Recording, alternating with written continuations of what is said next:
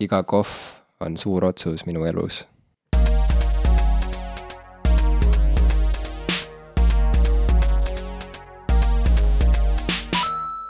tere, tere, te kuulate Ivo ja Jimmy saates popkulturistid. millest me täna räägime? alustame kuskilt, kuskilt otsast. kas sa tunned, et see, kus sa praegusel hetkel oled oma professionaalses elus, oli etteaimatav, kui sa mõtled selle peale, mida sa oma tulevikust mõtlesid koolijütsina ei, kindlasti mitte. ma arvan, et koolijütsina ei tea üldse mitte midagi, mm.? sellepärast sa oledki koolis. sest et sa ei tea, sellepärast et sa ei tea, et võiks ka paremini oma aega veeta kuskil kuidagi asjalikumalt no kool on ju väga hea viis oma aega veeta, ei ole või? mm. -mm. mis, mis, kust otsast? no ma ei tea, mis sa ikkagi oma ajaga siis teeksid? oled sihuke väike koolijüts ja ei ole koolis? sa oled lihtsalt jüts. mul oli paar klassivenda, kes ei käinud koolis ja ma ütleks, et nad pigem olid lahedad inimesed. aga nüüd?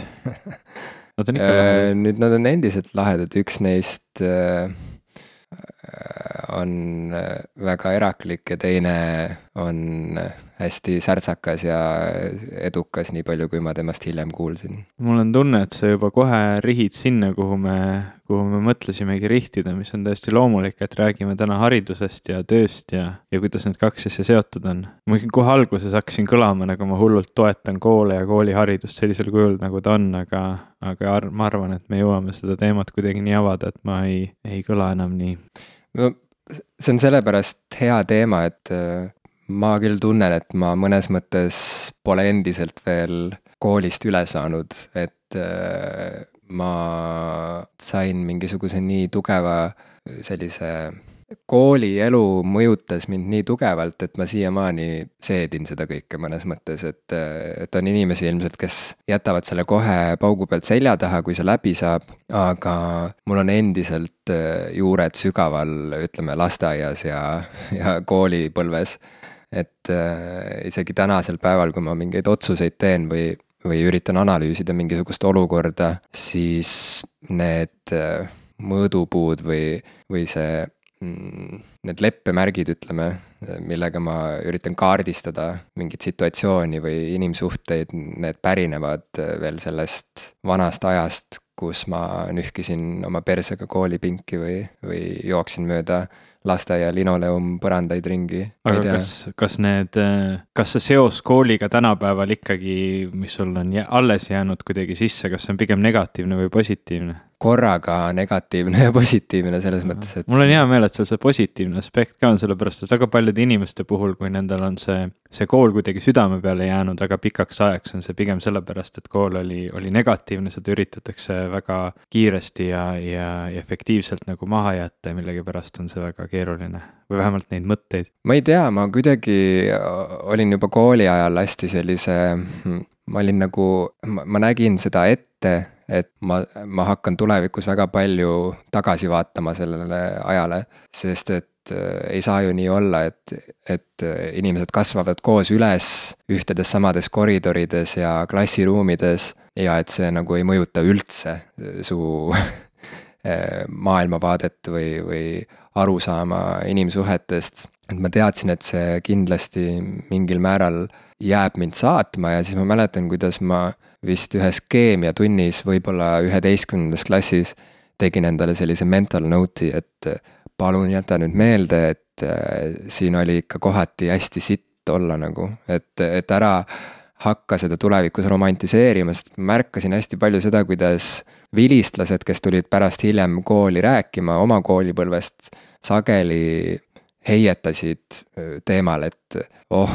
kui saaks jälle olla vallatu ja noor, noh et joosta mööda neid koridore siin ringi ja et äh, tagantjärele vaadates see aeg üldse ei olnud nii hull ja et kuidagi, et nüüd tagantjärele vaadates tundub see kõik pigem armas, et ma noh, kuidagi palusin iseennast, et ma jätaksin meelde, et seal nagu midagi roosilist ei olnud, mul oli hästi tore klass ja, ja, ja üleüldse nagu need õpilased, kes seal koolis, ma käisin Tallinna Inglise kolledžis, et kes seal õppisid, nad olid äh, valdavalt sellised lahedad isiksused ja meile räägiti mingeid hirmulugusid, et äh, noh, et äh, kiruge, kiruge seda kooli siin, et kui te üks hetk satute kuskile, ma ei tea, seal, mis kooli seal näitena toodi, aga a la, a la mingisse halba rajooni kooli, et siis seal, et äh, Keila ma ei tea, sõidad liftiga ja siis tuleb mingi võõras mees ja varastab traadiga neeru sul nagu seest, et no, Keila koolis ei olnud lifte. no vot, et põhimõtteliselt äh, ma ei tea, et jah, et kui sa küsid, kas see oli negatiivne või positiivne, siis äh, nagu lõppkokkuvõttes ju siis läks hästi, sest et ma ikkagi tunnen, et ma teen põnevaid asju endiselt ja olen nagu kuidagi varustatud ähm, piisava sihukese ettevalmistusega, et, et jõuda sellesse ellu, kus ma praegu olen, aga, aga ma mingil juhul ei tahaks sinna tagasi minna, ma ei tea. Aga kusjuures need inimesed, kes tagasi tulevad, eks ole, need, kes lähevad neid jutte rääkima koolides, et tegelikult see ei ole üldse nii hull, aga need on, vaata, need on need inimesed, kes lähevad sinna kooli tagasi, kellel see kogemus tegelikult võib-olla ei olnudki nii hull, vähemalt noh, mitte nii hull, et neid sellest täielikult eemale lükata, kas sa oled käinud pärast Inglise kolledžis rääkimas või? ja ma olen käinud nüüdseks võib-olla mingi neli-viis korda juba rääkimas. ja rääkisid siis, et äh, jee ja ma olen, ei, ma olen iga kord nagu mänginud julgelt oma seda vinguviiulit, aga siis lõppkokkuvõttes see on hakanud mind ennast ära tüütama. sest et äh, vaata, see on ka järjekordne selline narratiiv, millesse võib kinni jääda mingisugune sihuke ohvrimentaliteet. et oh, noh, et et kui, kui, kui nagu järjest käiata sedasama äh, linti, kus ma räägin, kui raske mul oli ja kuidas oli väga palju negatiivset selles valitsevas mentaliteedis, selles edukultuses, siis lõppkokkuvõttes ma hakkan nagu kuidagi, ma ei viitsi enam iseennast kuulata, sest et ma tahaks iseendale öelda, et saa, saa üle. Saad aru, et ma, ma ei taha olla see, see hala saadik kes Mm. käib aastast aastasse seal koolis ja. sind ei kutsutaks ka ilmselt, kui sa iga kord käiksid ja halaksid seal niimoodi õpilastele, et kool on et- nõme ja keemiatunnis ma tegin omale mental note'i, et jäta meelde, et see on ikka väga sitt koht. et, et võib-olla siis oleks sinu kutsete noh, nagu ähm, kutsed nagu kaoksid ära.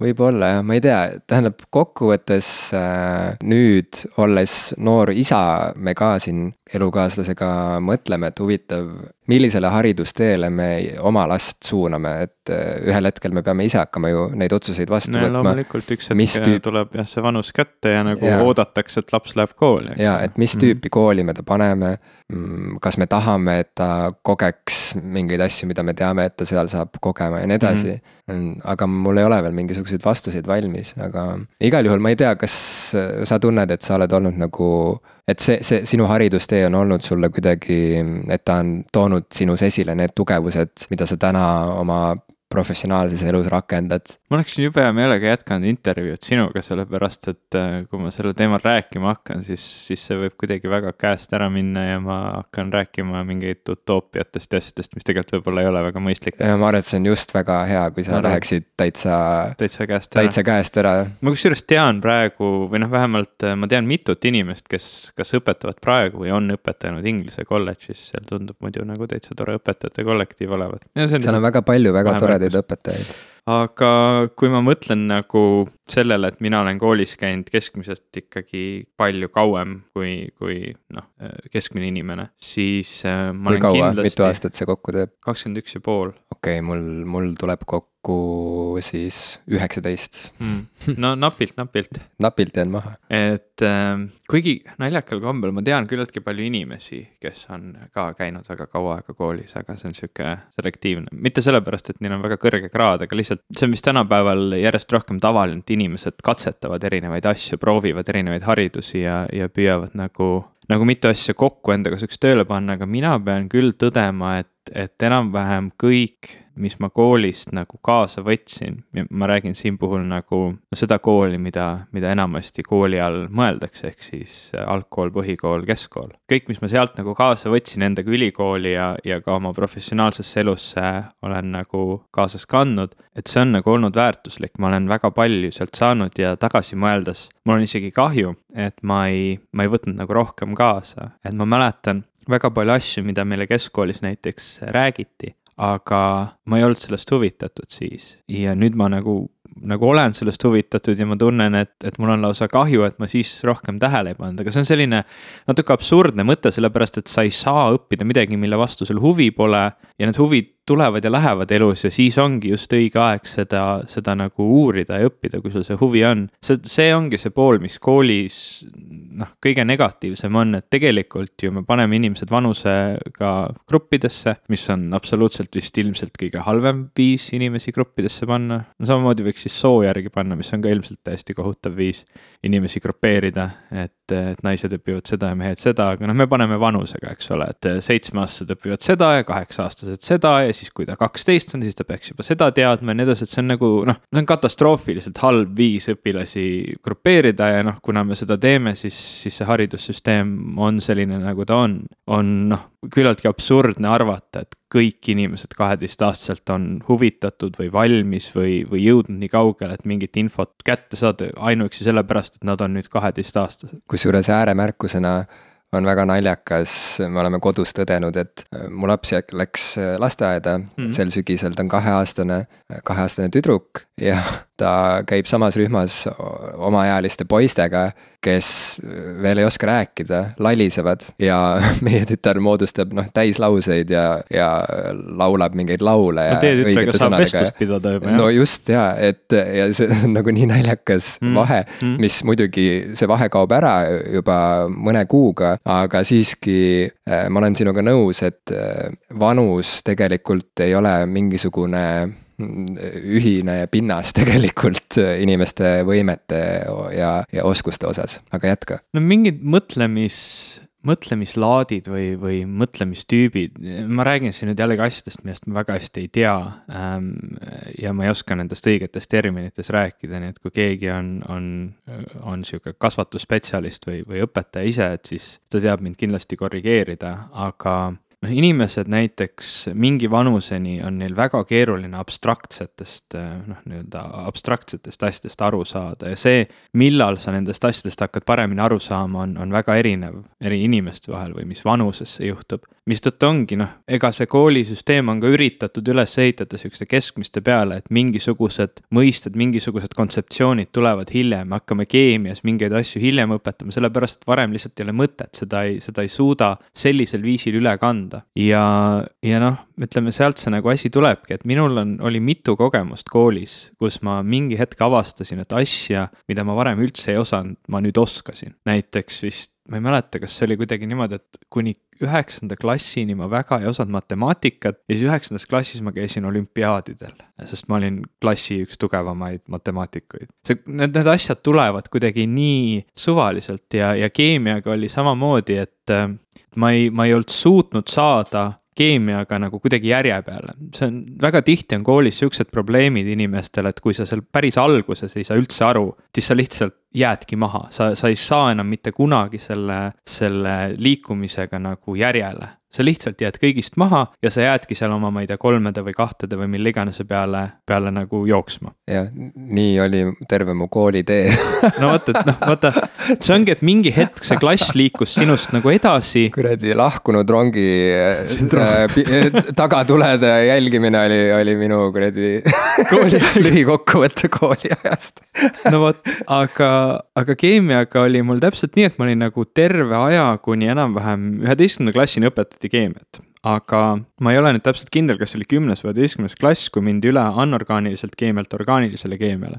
ja põhimõtteliselt noh, seal ei ole nagu sellist vahet nagu noh, nagu koolis tehti, aga, aga koolis nagu meeldib asjad ikkagi rohkem niimoodi kastidesse panna, noh okei okay,, lõpetame ära anorgaanilise keemiaga, lähme üle orgaanilisele. ja see oli natuke nagu puhtalt lehelt alustamine minu jaoks. ja sellel hetkel ma juba sain nendest nii-öelda mõistetest ja nendest asjadest nagu aru, ma, ma, ma hakkasin selle nii-öelda klassi tempoga kaasas käima, nii nagu õpetati ja ma mõistsin ja, ja mu keemiahinded läksid väga heaks. üheteistkümnenda klassi lõpus oli meil võimalik keemiaeksamit teha ja kuigi ma olin varasemalt, ütleme selles suuremas osas keemias kogu aeg sihuke kolmeline olnud heal juhul. käisin järeltöid tegemas hommikuti kella kuue ajal, et äh, siis äh, siis ma nagu otseselt ei mõelnud, et see keemiaeksam oleks jube hea, aga ma olin geograafias veel nõrgem ja sihuke soovitus oli, et tehke üks, üks kahest ära, tehke kas geograafia või keemiaeksam ära. Siis teil on järgmine aasta vähem õppida, et siis ei pea tegema seda viit eksamit, et siis teil on üks juba tehtud. ja üks tüdruk, kes mulle tol ajal õudselt meeldis äh,, küsis, et kuule, tahad teha keemiaeksamit, ma ütlesin jaa, muidugi, et me saame koos õppida, eks ole.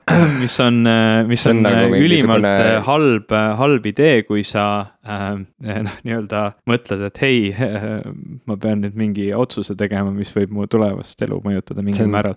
kuigi see, kui palju eksamid sinu tuleviku elu määravad, on täielik jura, et nad ei määra väga su tulevast elu no,. no võivad, aga no.. sest et tegelikult sa ei saa minna õppima ju igat eriala kõrgkooli, kui sa ei ole Tõsi. teinud teatud eksameid, nii et. aga see on äh, vaid üks võimalus sinna jõuda ja tegelikult sul on uusi võimalusi ja, ja teisi variante veel, et see eksam ei ole see be all end all, vähemalt. enam ei ole siis või? no sa saad eksamid uuesti teha nojah, okei okay,. sa võid jah, uuesti jah. õppida, sa võid äh, leida, et sinu jaoks on see ikkagi nii oluline teema, et sa tahad seda uuesti teha ja mm -hmm. sellega edasi minna. aga ühesõnaga, ma valisin keemiaeksami ja ma sain seal üheksakümmend üks punkti sajast, mis noh, mu keemiaõpetaja ütles selle peale, et kurat, see on ju pff, päris hea tulemus, ta oli üllatunud, sest noh, loomulikult mina olin üllatunud, kõik olid üllatunud, ma ei arvanud, et, et ma saan nagu selle, selle materjali järgi õppida, aga kuna ma alustasin selle materjali õppimist jälle nullist, ma võtsin selle noh, keemia algkursusest alates kuni, kuni selle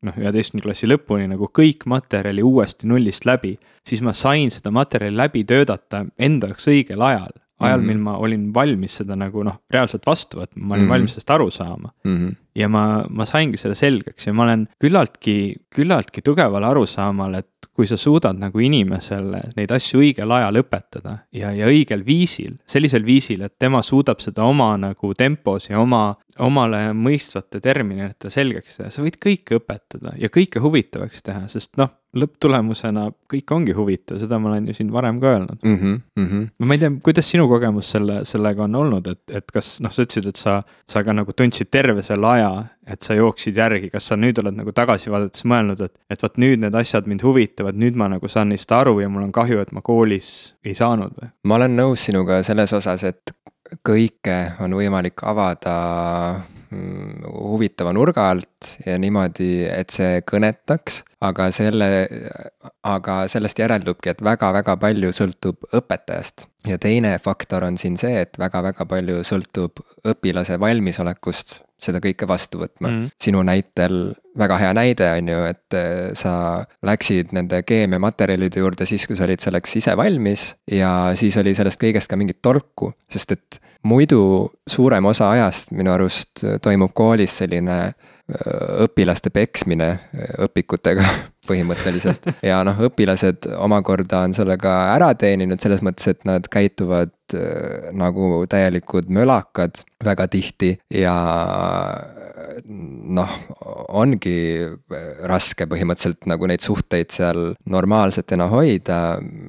sest et kui ma mõtlen keemiatundide peale, siis me ikka kiusasime oma õpetajat, kes oli sihuke noor, üsna värskelt ülikoolist tulnud naine ja, ja tagantjärele mõeldes see oli päris nagu õudne, mida me talle tegime iga päev, et see emotsionaalne sihuke, no sihuke emotsionaalne jauramine inimeste alandamine ja, ja nende tunnete ja väärikusega mängimine oli selline igapäevane meelelahutus põhimõtteliselt ja noh, kokkuvõttes on ju arusaadav, et keegi vingub, et tal oli nagu koolis nii raske, et ta ei jõudnud teistele järele ja nii, aga siis teisest küljest mm, noh, vaata, milline sa ise olid mõnes mõttes.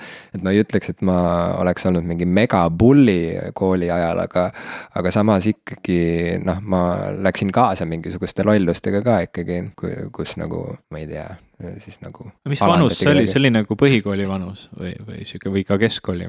no eks seda jäi aina nagu vähemaks mida vanemaks me saime, aga noh, ikkagi ma ei tea, vaatamata vanusele on ikkagi nagu igasugune sihuke nõmetsemine tagantjärele lihtsalt äh, nõme. Yeah.. kusjuures ma mäletan, et mu kõige esimene sihuke teadlik bulli žest või, või, või bulli tegu oli siis, kui ma käisin judotrennis ja me käisime judolaagris Käärikul. Ja ma olin siis kaheteistaastane. Käärikul on selline spordikompleks kes ei ole käinud, siis seal talviti käivad sellised suusatajad ja, ja soojemal ajal käivad seal sellised, ma ei tea, kergejõustiklased ja miks mitte siis judokad ja igast erinevad tantsijad ja meie olimegi seal ühel ajal koos selliste noorte tantsijatega.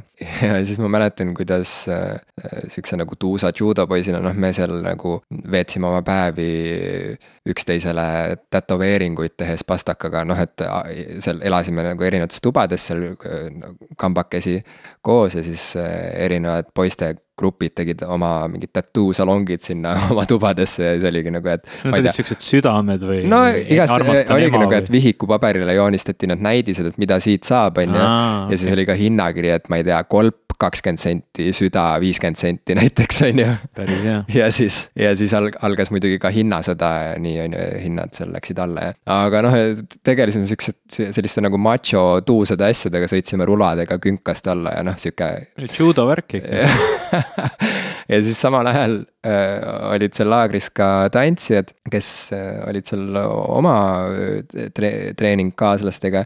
ja siis seal oli sihuke väike poekene, kust me käisime päeva ajal siis krõpse ostmas ja ma ei tea, limonaadi. pastakaid, et õhtul tatokaid. jah, ja, ja, ja siis ma mäletan, ükskord ma, mul polnud midagi teha ja siis ma siis passisin seal poe ees on ju, kõlgutasin jalgu seal äh, mingi trepiserva peal ja siis, ja siis tuli sealt poest äh, üks umbes minuvanune ka sihuke üheteist-kaheteistaastane sihuke tantsupoiss kes, äh, ma ei tea, lihtsalt käis küpsiseid ostmas ja siis nagu kõndis poest välja ja kõndis sinna majakese poole, kus me kõik elasime ja siis millegipärast pidasin vajalikuks nagu hõigata talle järele, et hei, on ju.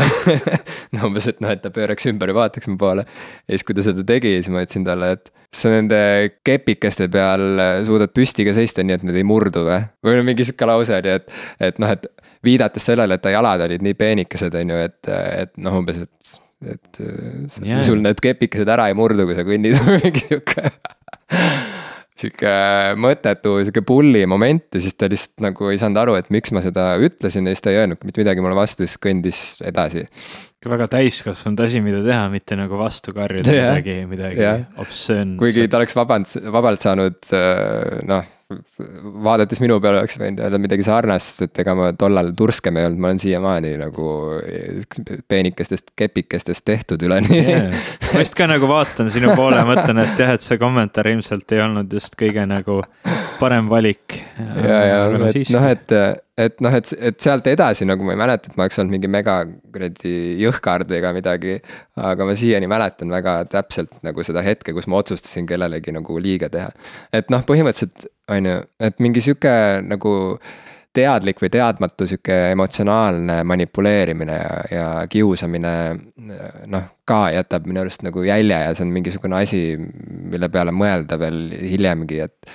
et huvitav, noh mismoodi mingisugused koolikaaslased on hiljem nagu diilinud sellega, mida nad pidid läbi elama koolipõlves, et, et kõik see nagu sotsiaalne äh, Need sotsiaalsed mängud, äh, siuksed kärbeste jumalalikud äh, läbikäimised on omaette raske teema minu arust, mis panebki mind kahtlema üldse kogu koolisüsteemis või selles, et, et kas see ikka nagu toimib päris õigesti jah, ma mäletan ise ka, noh, ühesõnaga muidugi põhikoolis ma ise pigem ei olnud see kiusaja, vaid see, keda kiusati. Ja, ja kuigi noh, tagantjärele mõeldes ma tegin ka ikkagi asju, mida võib-olla, mida ma kindlasti kahetsen ja et siis vähemalt selles, selles nii-öelda põhikooli vanuses juba, kuna ma ise olin nagu seal allpool, et siis, siis ma pigem olin nii-öelda ise püüdsin siis vähemalt teiste, teiste vastu nagu parem olla, vähemalt nende vastu, kes mind ei kiusanud, et siis on vähemalt kellegagi koolis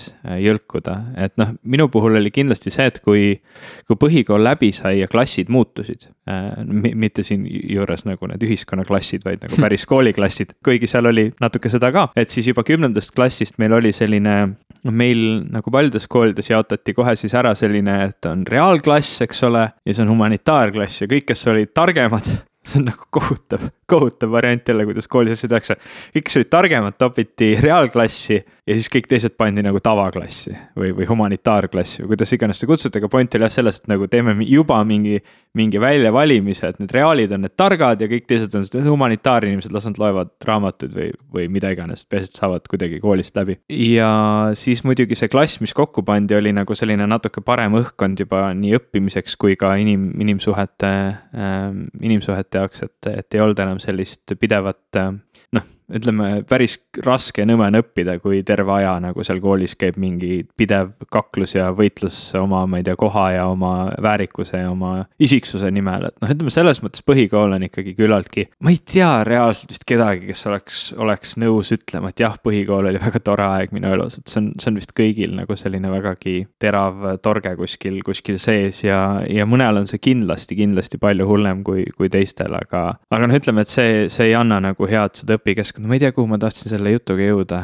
äh.... ma võib-olla siia vahele ääremärkusena või, või, või siis täitsa lehekülje keskele mineva märkusena ütleks, et äh, ma küll ei saa kurta oma põhikooli aja üle.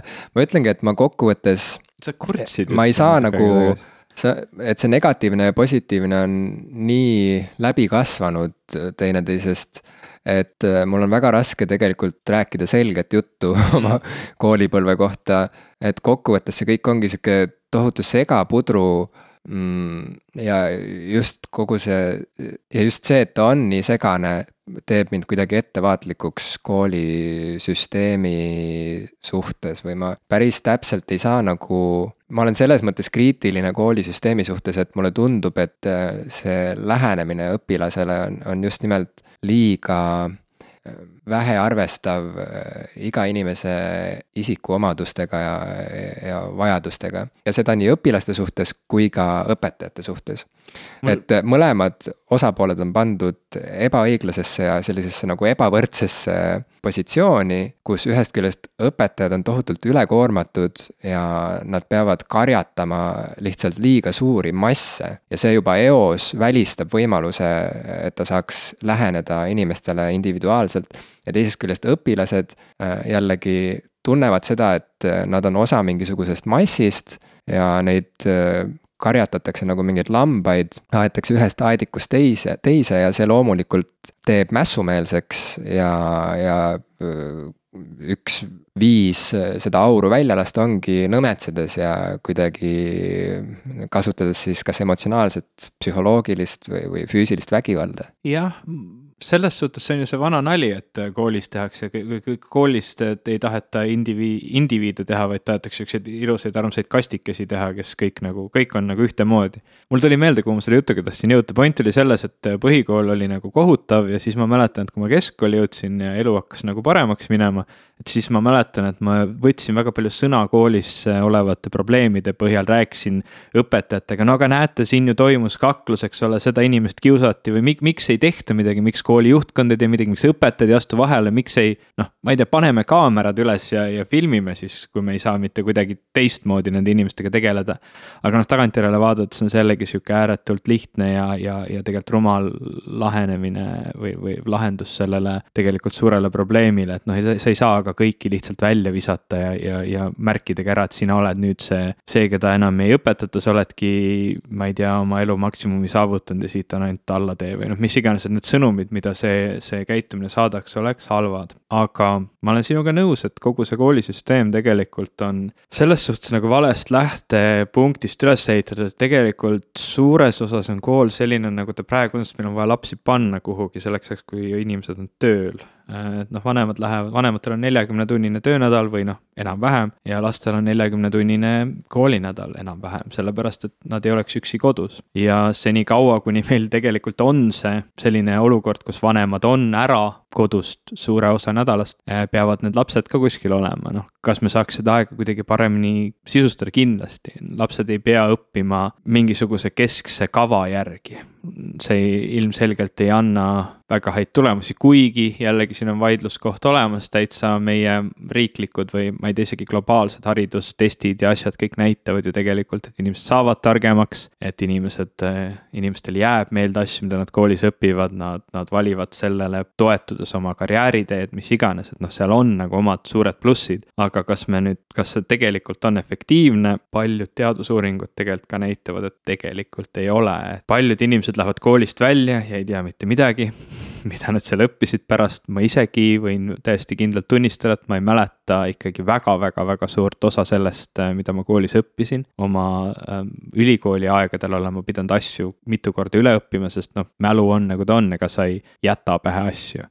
pigem peaks ju kool ikkagi mitte tuupima sulle mingeid asju, mida meelde jätta, vaid andma sulle raamistikke, tegema sulle sellist analüüsivõimet, loogilist mõtlemist, arusaamist paneme paika mingisuguse taustsüsteemi, millest lähtuda, kui sa teed otsuseid, kui sa, kui sa õpid asju tegema. ma ei mäleta täpselt, kus kõnes ma seda kuulsin, see võis olla Sir Ken Robinson või mis ta nimi on, kes on, mul ei tule praegu meelde, aga on Youtube'i videod, kus keegi äh, hästi tore inglane räägib koolisüsteemi probleemidest ja mida me peaks teisiti tegema ja, ja tema, see oli vist tema näide, et, et meil ei ole vaja seda, et meil on õpikus mingisugune ülesanne matemaatikas, et äh, ma ei tea, akvaariumi suurus on nii palju, sinna voolab nii palju vett sisse sellise aja jooksul. arvuta välja, kui kiiresti see täis saab, see, see ei ole noh see ei pane inimest mõtlema. mis paneks inimest mõtlema, on see, kui õpetaja tuleks klassi akvaariumiga, paneks sinna vooliku sisse, hakkaks seda veega täitma. ja siis okei okay,, klassist, nii, palun ütelge mulle, kui kiiresti see veega täitub. ja see on kõik, me ei anna neile mitte mingit sisendit rohkem, nad peavad ise minema. kas nad siis mõõdavad, kas nad äh, võtavad omal mingi ma ei tea, nutikellaga aega, äh, arvutavad selle välja, et ma ei tea, suurus on õpikutes või mida iganes, sest neil ei ole mõõdulinti võtta, mida iganes nad teevad. Nad peavad õppima seda, kuidas seda probleemi lahendada, mitte mingit valemit kasutama, eks ole, sest valemeid noh, tegelikult elus ei ole, noh mingil, mingil sihukesel laie, laiendatud määral. ja, ja see ongi tegelikult see, mis mind tagantjärgi on kõige rohkem häirinud, et äh, ma oleks tahtnud, et see kool oleks kuidagi teistmoodi mulle lähenenud võib-olla ja teistele ka. mulle tundub, et koolis on õpetajatel nii vähe aega ja neil on töömaht nii suur just nimelt sellepärast, et lapsi, õpilasi on liiga palju. et siis kokkuvõttes see, mis pahatihti juhtub, on see, et õpetajad lihtsalt suruvad neid teadmisi õpilastele peale ja oma viga, kui sa ei suuda seda kõike siis läbi närida õigeks ajaks, siis saad kahe või mitte arvestatud. kui suudad läbi närida, saad viie, tubli ja juba ongi aeg edasi liikuda ja sellest ka see lahkuva rongi metafoor. et ma tundsin, et äh, mul äh, läheb väga palju aega mingisuguste asjade mm, läbinärimisega ja, ja samas ei olnud mingit võimalust sinna rongi peale tagasi hüpata kuidagi, noh, ei olnud lihtsalt seda aega ja sellepärast ma kogu aeg tegelikult elasin hirmus, et äh, mind visatakse koolist välja. Äh, ja, ja kui see juhtub, siis mind ei taheta enam kuskil, sest et see oli see valitsev mentaliteet.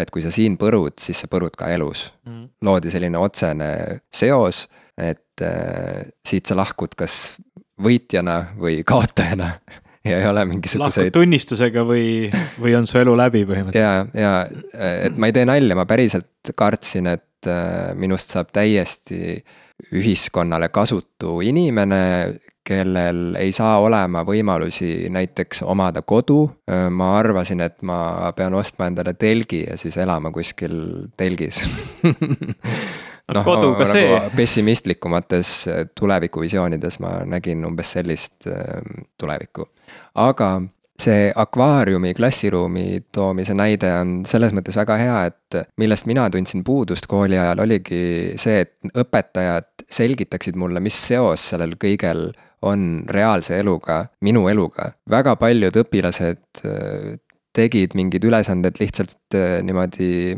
noh, ükskõikselt ära, mõni tegi korralikumalt, mõni tegi lohakalt ja, ja ütlesid ja mõni kirjutas maha ja, ja nad ütlesid, kui see jah, et Ivo näitas näpuga minu peale praegu seda no,. olgem ausad, tegelikult mina tegin ikka väga palju asju maha okay. ja, ja ütleme nüüd, seda on hea muidugi kirjanikul öelda, aga ma sain kirjanduses aukirja äh, vist, kui ma keskkoolis lõpetasin, mille peale ma läksin oma kirjandusõpetaja juurde, kes oli väga tore õpetaja, siiamaani on. Äh, ja ütlesin, et, et miks sa mulle aukirja andsid, et ma ju kirjutasin enam-vähem kõik oma raamatu need kokkuvõtted äh, teistest kokkuvõtetest maha, et ma ei lugenud tegelikult neid raamatuid, sest noh, sa olid muidu tubli ja kirjutasid luuletusi okei. aga ja, et, et need õpilased, kes tegid need ülesanded ära, nad seejuures ütlesid niimoodi käega lüües, et mul ei lähe seda mitte kunagi elus vaja ju niikuinii. et ma praegu tegin selle arvestustöö ära ja, ja ma homme unustan selle kõik juba ära, sest et mul on täiesti suva, ma ei näe seost oma reaalse eluga ja, ja see, see ongi just see, millest ma tundsin puudust just täna üks äh, inimene, kes, kellel keskkool on värskelt selja taga, küsis mult, et kas kirjanikule on oluline tunda ajalugu ja ma ütlesin, et, äh, et mulle tundubki, et, et koolis. Äh, no me rääkisime selle, sellest kuidagi nagu koolihariduse kesk, koolihariduse kontekstis ja, ja ma vastasin, et mulle tundub, et nii-öelda ajaloofaktide pähe tuupimisest on olulisem, on olulisem õppida ajalookriitikat nii-öelda. see kõlab võib-olla natuke nagu keeruliselt, aga tegelikult see on väga lihtne, vaata ajalugu on lugu, see on juba seal nimes sees. ja minu arust nagu koolis meile presenteeriti ajalugu kui mingit valmis asja, et see on see üks kehtiv narratiiv, juhtusid need ja need asjad nendel ja nendel põhjustel, õpi pähe või muidu saad kahe jälle, on ju aga mulle oli kogu aeg vaja seda põhjendust, et miks ma pean selle pähe õppima, mis vahet seal on, mis kuradi aastal, mis kuupäeval see kindral pani allkirja sellele dokumendile. et äh, ma tundsin pidevalt puudust sellest laiemast kontekstist, ühesõnaga sellest äh, loo analüüsist nii-öelda ja, ja, ja kui vahepeal meil oli üks õpetaja, kes äh, andis edasi ajalugu just nimelt sellise loona et ta jutustas seda meile nagu jutuvestja. siis see muutus mu jaoks huvitavaks, sest et eh, noh, ma ei mõelnud sellest küll niipidi, ma, ma ei analüüsinud seda siis nii keerukalt, aga. aga ilmselt mind paelus ja kõnetas see sellepärast, et, et see muutus päris asjaks järsku, saad aru, see ei olnud enam kuiv Vikipeedia faktide rida, mingisugune tabel, mida pähe õppida või muidu, vaid eh, see, see järsku need esimese maailmasõja sündmused järsku nagu kangastusid mu silme ees niimoodi, et ma sain aru, et need on, et need olid mingid reaalsed otsused, mida tegid päris inimesed, kes olid segaduses ja mures ja tahtsid paremat homset. ühesõnaga, ja et see kõik ei olnud nii äh, determineeritud, nii, nii ette paika pandud, saad aru, et esimese maailmasõja ajal inimesed ei teadnud, et see on esimene maailmasõda Nad lihtsalt noh, nägid, et kaos on ümberringi, on ju. et see ei olnud mingisugune valmis asi ja, ja, ja just nimelt sellest ma olengi tundnud puudust, et, et kuidas nagu näidata õpilastele, et kõik on suhteline ja et see, mismoodi me maailma näeme, ei ole paika pandud, et ei ole ühte õiget maailma nägemise viisi vaid on erinevad lood, mis võistlevad omavahel ja mingid lood domineerivad ja saavad nagu peavooluks. Ja mingid lood on siis siuksed alternatiivid ja see ei ole ainult ajaloos nii, vaid see on noh, igas valdkonnas niimoodi. et me saame koolipõlves ja üleüldse elus kätte mingid teatud teadmiste pagasid, mingid tööriistad mille abil me hakkame siis seda maailma nagu lahti mõtestama või kuidagi seda maailma äh, analüüsima ja selgitama iseendale ja teistele. ja tänu sellele, et inimestel on erinevad ettevalmistused, erinevad tööriistad, ongi meil huvitav omavahel neid mõtteid vahetada, sest et me läheneme sellele samale seletamatule miskile erineva nurga alt ja tänu sellele saame üllatada üksteist ja kuidagi aidata edasi noh, kohtadest, kus me võib-olla oma tööriistadega jääksime jänni või jääksime kuskile nagu pidama või toppama. aga nüüd, kui sa oled noh, nii-öelda täiskasvanu koolist väljas, sul on kontekst olemas, see on see kontekst, mida sa just praegu kirjeldasid. kas sa nüüd mõistad, miks neid asju, mida koolis räägiti, on vaja või miks neid oli vaja rääkida siis? ei, tegelikult mitte, sest et ma tunnengi, et need kõige olulisemad õppetunnid koolis äh, olid võib-olla need, mis ma sain oma kolmelt imearmsalt ja südamlikult klassijuhatajalt, kes kõik omal moel põhimõtteliselt sisendasid meile mm, sõnumit, et äh, katsu mitte käituda nagu idioot. katsu paremini homme um.... katsu mitte käituda nagu idioot ja teine äh, oluline õppetund tuli tegelikult ikkagi lõpuks Ameerika ja Inglise kirjanduse tundidest kus meil, kus just nimelt ilmselt tuli lõpuks ometi mängu see loo analüüs või see kuidagi mm, see asjade relatiivsus, et, et, et raamat, mingi romaan ei olnud ühtäkki enam eh, lihtsalt mingisugune viktoriini materjal selles mõttes, et sa pead pähe õppima mitmendal leheküljel mingi tegelane eh, suri ja mitmendal leheküljel keegi mingisuguse auto õhku lasi vaid olulisem sellest oli see, et mida see äh, lugu üleüldse meie kohta ütleb, mida see ütleb inimkonna kohta, mida see ütleb elu kohta. et ühesõnaga, see tegi järsku selle diskussiooni palju ruumilisemaks ja, ja ja selles mõttes nagu see ruumilisus, et, et see, see, selle asja point nagu valgus üle selle raamatu servade niimoodi, et see hakkas puudutama ka minu elu ja, ja, ja hakkas otseselt kuidagi nagu aitama äh, mul äh, mõtestada elu, et äh, ühesõnaga, et sealt lõpuks tuli see, see puuduv, puuduv. lüli lüli äh, ma tahaks nagu vahemärkusena öelda, sest see on asi, mida on võimalik väga kergesti siit vestlusest nagu kaasa võtta, millega ma ei ole nõus, äh, on see, et, et äh, õpetajad tegelikult ei ole süüdi selles asjas, õpilased ja, ja. ei ole süüdi, nad on mõlemad sellised standardjaotused on väga halb õpetajaid, on väga häid õpetajaid, väga halbu õpilasi, väga häid õpilasi, enamus on kuskil keskel. see süsteem on see, mis tegelikult tingib selle, kuidas see, kuidas see kõik töötab, see ei ole mitte ainult koolisüsteem, vaid see on lihtsalt see, kuidas meie ühiskond on üles ehitatud, mis tingib selle, kuidas me koolis õpime seda on võimalik muuta, seda on võimalik parandada ja, ja on väga palju inimesi, kes tegelikult eh, noh, aktiivselt selle nimel töötavad, et see oleks parem, on väga palju õpetajaid, kes otsivad uusi viisi, kes otsivad eh, võimalusi selles süsteemis nagu töötada, nii et sellest oleks rohkem kasu, aga lõpptulemusena ma arvan, et üks hetk me peame, me peame nagu rohkem aru saama sellest, kuidas me tahame, et meie ühiskond toimiks. Ja ma loodan, et eh,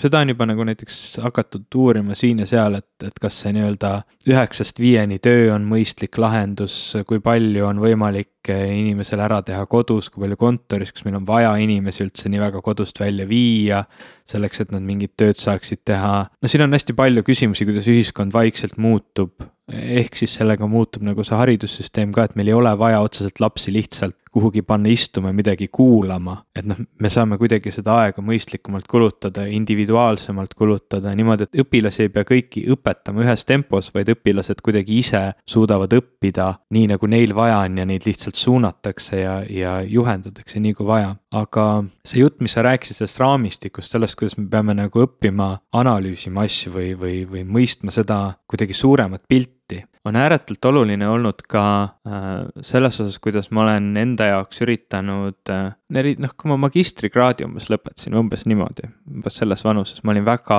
väga tugevalt nagu kaklesin kõige vastu, mis läks teadusliku maailmapildi vastu. ma äh, olin nagu lõpuks selleks ajaks, kui ma nagu ülikoolis olin hakanud asjadest nagu korralikult aru saama, ma olin loonud enda jaoks väga tugeva ja, ja selge maailm, teadusel põhineva maailmapildi mida ma mõistsin, mis oli ratsionaalne minu jaoks, mis oli äh, kergesti arusaadav ja ma leidsin, et äh, inimesed, kellel on teistsugune maailmapilt, justkui nagu ründavad seda. ma olen sellelt äh,, sellelt positsioonilt nagu ajapikku järjest rohkem taganenud, sest noh, ütleme sellel kaklusel ei ole mingit mõtet, lõpuks inimene ikkagi oma maailmapildi kujundab ise. aga ma arvan, et äh, kõige suurem probleem, mis mul on selles kontekstis koolisüsteemiga, on see, et me õpetame kõigile teadust. me õpetame kõigile, kes koolis käivad, väga paljusid asju. kirjandust, ajalugu, kirjandusajalugu, teadust, kirjandusteadust, kunsti. me õpime kõike analüüsima seal, selles kontekstis, vähemalt ideeliselt me õpime seda tegema aga inimesed ei võta seda endaga kaasa. ja selles pole mitte midagi halba, kui inimene kujundab enda maailmapildi selliseks, nagu ta ise soovib, usub asjadesse, mida ta soovib, leiab lohutust, leiab äh, teadmisi, leiab äh, oskusi, kust iganes. aga kui me nagu õpime terve aja koolis seda kriitilist meelt ja ratsionaliseerimist ja kõiki neid asju ja siis lõpetame kooli ära ja, ja vahel nagu, nagu ei võta sellest mitte midagi kaasa ja, ja teeme vahel nagu kohutavaid otsuseid. lihtsalt lähtudes sellest, et me ei saa aru näiteks, kuidas bioloogia töötab. noh, nagu me ei oleks selle, seda kunagi õppinud või me ei saa aru sellest, et, kuidas põhjus ja tagajärg, eks ole, toimivad, siis see lihtsalt teeb mind natuke kurvaks kohati. ma ei tea, kas sa saad aru, mida ma sellega öelda tahan, sest ma ei ole päris täpselt ise kindel, kuhu, kuidas ma seda tahtsin sõnastada, nii et ma kellelegi väga liiga ei teeks ma vist päris täpselt ei saanud aru, mida sa ütlesid, aga kas see võis olla midagi sellist, et ähm, see õpetusviis või see mall, mille järgi inimestele teadmisi jagatakse, lähtub teaduslikust lähenemisest asjadele.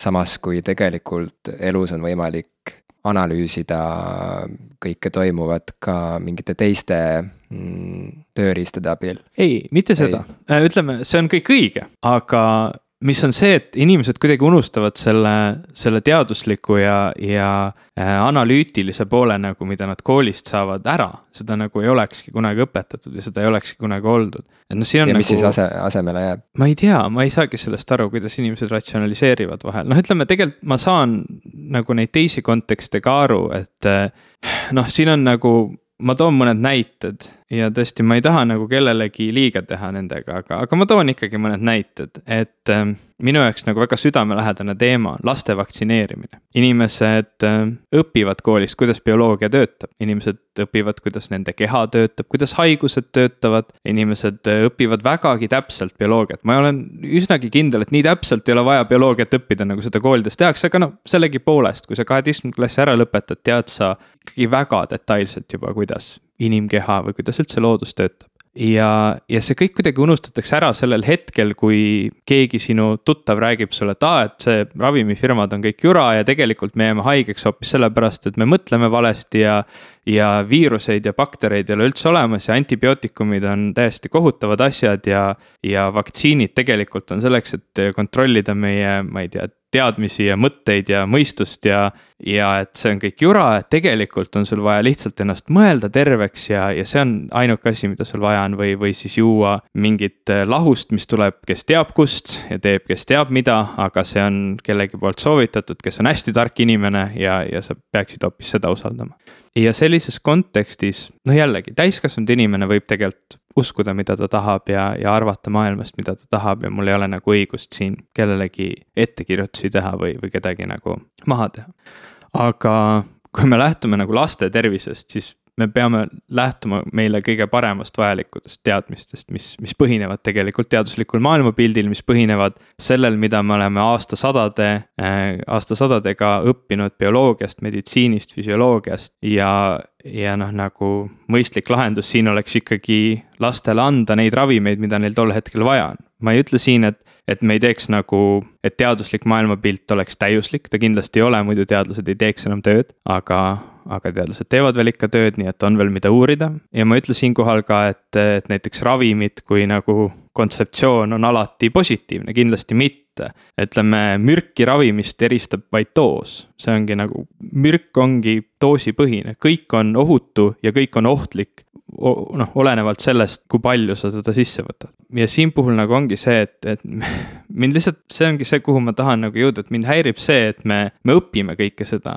ja meil on nii lihtne seda, ma ei tea, kas see tuleneb lihtsalt sellest, mis kogemus meil kooliga on või mis, kuidas meie see arusaam on siis sellesse teadusesse või, või nendesse asjadesse, mida me koolist õpime, et me kuidagi peame seda kõike kuidagi minevikuks, me oleme edasi liikunud sellest, meil on nüüd nii palju uusi võimalusi, kuidas maailma kohta infot saada, Google või foorumid või, või, või ükskõik, mingi ise, ise katsetada, proovida, kogeda. Need on kõik ääretult toredad asjad, aga me kuidagi unustame kogu selle asja ära, mida meile, mida meile õpetati, me, me peame seda kuidagi väärtusetuks mingist hetkest. et see ei ole enam relevantne. Ja nüüd oleks kõik justkui nagu uuesti õppimine, ümberõppimine, et me, et see nagu on, teeb mind kurvaks selle koolisüsteemi juures jah, ja see on täiesti arusaadav, miks see sind kurvaks teeb, sest et sa oled äh, nii palju süvenenumalt lähenenud äh, inimkeha iseärasustele, bioloogiale, keemiale ja kõigele sellele, et äh, sa märkad lihtsalt palju, ühesõnaga, see on täiesti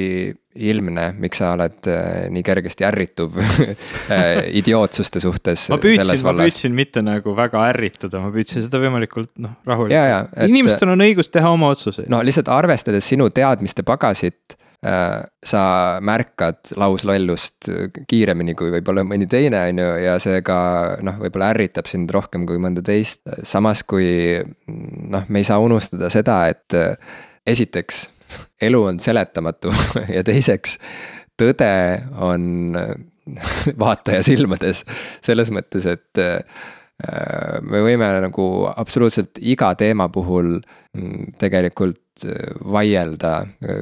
kui sa lähed ühe inimese juurest teise juurde, äh, arvamused kohati kattuvad inimestel, kohati lähevad täiesti vastuollu. lihtne, näiteks religioon on ju mm, -hmm. et kelle jumal on päriselt olemas, kelle oma ei ole. noh, Ricky Gervais nagu viskab sel teemal päris palju sellist teravmeelset nalja, eks ole, peaaegu igapäevaselt, et ta on sihuke üks tuntumaid äh, religiooniskeptikuid, ütleme, või mm. -hmm. et, äh, et noh, et üks tema hiljutine tweet, mida ma nägin, oli midagi sellist, et maailmas on kaks tuhat seitsesada erinevat jumalat. mina olen otsustanud, et ma ei usu ühtegi neist, samas kui usklik inimene on otsustanud, et ta usub ühte äh, neist ja ülejäänusse kahe tuhande kuuesaja üheksakümne üheksasse ei usu, nii et tegelikult erinevus minu ja uskliku inimese vahel ei olegi nii suur. Et me oleme mõlemad üsna skeptilised nagu suurema osa me oleme kõik ateistid enamik jumalate suhtes, jah. et, et noh, et kokkuvõttes nagu, et mis on tõde, kus on tõde, ma saan aru, et sa niimoodi ääri-veeri vihjasid tegelikult ka siin osaliselt sellele mingile klooriravimi skandaalile, mis äh, mõned kuud tagasi laineid lõi Eestis, et lapsevanemad jootsid oma laste, haigetele lastele mingit kloorisegu sisse ja tegelikult see oli põhimõtteliselt nagu äh, laastava mõjuga laste. noh, kloorisegud üldiselt ei tähenda midagi halba, soolalahus on ka klooriga segu mm,. aga. aga noh, noh see antud kontekstis oli jah tegu kemikaaliga, mida, mida vähemalt teaduslik maailmapilt kindlasti ei soovita ravimi eesmärkidel, vähemalt sellistel, äh, sellistel puhkudel mm -hmm. kasutada, jah. jaa, et, et siin ongi see probleem, et ei ole nagu seda ühte kehtivat tõde ja, ja inimestel on vabadus mõelda asjadest nii, nagu nad tahavad ja uskuda seda maailmapilti, mis neile kõige rohkem sobib. nii et kokkuvõttes ongi nii, et äh, me elame tegelikult nagu erinevates reaalsustes. et üks asi on see päris, päris reaalsus, mida me kõik jagame, milleni me tegelikult nagu ei küündi. ja teine asi on siis see aseaine, mida me selle parema puudumisel sinna, selle asemele võtame, ehk siis oma tõekspidamiste, arusaamiste selline kiht, reaalsus ja need reaalsused lähevad vastuollu omavahel, äh, inimesed, inimeseti ja sellepärast meil ongi need suured konfliktid, mis käivad igapäevaelu juurde ja üleüldse elamise juurde. ja See... võib-olla sellepärast ma olengi jah tundnud nagu kooli ajal ka nagu sellisest äh, relatiivsusteooriast puudust ja ma ei räägi siin nagu Einsteini relatiivsusteooriast äh, spetsiifiliselt, vaid üleüldse nagu kogu eksistentsi puudutavast relatiivsusteooriast. kõikehõlmav relatiivsusteooria. just, just, just. aga Einsteini relatiivsusteooria on küllaltki kõikehõlmav, tal on mingi väike osa sellest, mida ta ei kirjelda ja see on sihuke kvantmaailm. jaa, aga seda, sellest valdavalt noh, räägitakse sellises teaduslikus kontekstis mm.. ma igatsen isegi seda suuremat konteksti, olen igatsenud. ma kunagi oleks äh, oluliselt äh, rohkem vaielnud vastu sellele sellele, et tõde pole olemas või et, või et nagu tõde on vaataja silmades äh, kontseptsioonile, aga, aga ma arvan, et see on nagu küllaltki, küllaltki hea kirjeldus sellele, mis nagu elus tegelikult toimub. Ehm, teadus võib maailma kirjeldada kui palju tahes, noh, meil on olemas üks realism, meil on olemas see maailm, milles me elame või noh, jällegi tõlgendada võib igat moodi, aga, aga kui me nagu lähtume sellest, mida me saame noh, kogeda ja mõõta ja katsetada ja proovida, siis meil on olemas üks realism ja, ja siinjuures see teaduslik pool on, on seda, selle jaoks erinevaid mudeleid luua, katsetada, proovida, vaadata, leida mingisuguseid üldisemaid reegleid, mis kehtivad võimalikult paljudes olukordades, katsetada, kuidas nad kehtivad mis tingimustes nad enam ei kehti ja, ja seejuures siis nagu targemaks saada. et see on ka nagu üks põhjus, miks mind kui teadlast noh, häirib vahel selline pseudoteaduslik mõtlemine, et kui me noh, püüame, püüame leida lahendusi asjadele, millel on võib-olla juba nagu ütleme, väga hästi töötavad lahendused olemas, et, et noh, arvutid kasutavad väga tihti või ütleme oma tööks teadmisi, mida me oleme kvantmehaanikast õppinud, satelliidid, GPS-id kasutavad sedasama Einsteini relatiivsusteooriat, et töötada. me, me teame, et need asjad töötavad ja meil ei ole nagu noh, sealjuures vaja neid alternatiivseid lahendusi, sest noh, nad ja. töötavad juba selles kontekstis. Aga siis äh, on nii palju siin elus, mis tegelikult noh, ütleme nii sajaprotsendiliselt ei tööta, et, et mida me ei ole suutnud teadusega väga hästi kirjeldada või mida ongi teadusega väga keeruline kirjeldada või ei ole siukseid ilusaid üldiseid mudeleid, kuidas nagu kõik inimestevaheline, ma ei tea, suhtlus toimib. nii et siin on väga palju ruumi erinevateks äh, noh, alternatiivseteks tõlgendusteks ja katsetusteks ja proovideks ja selles mõttes on masinad väga palju täiuslikumad kui inimesed. kui sul on PC, siis sul on seal peal ilmselt kas Linux või sul on seal peal Windows.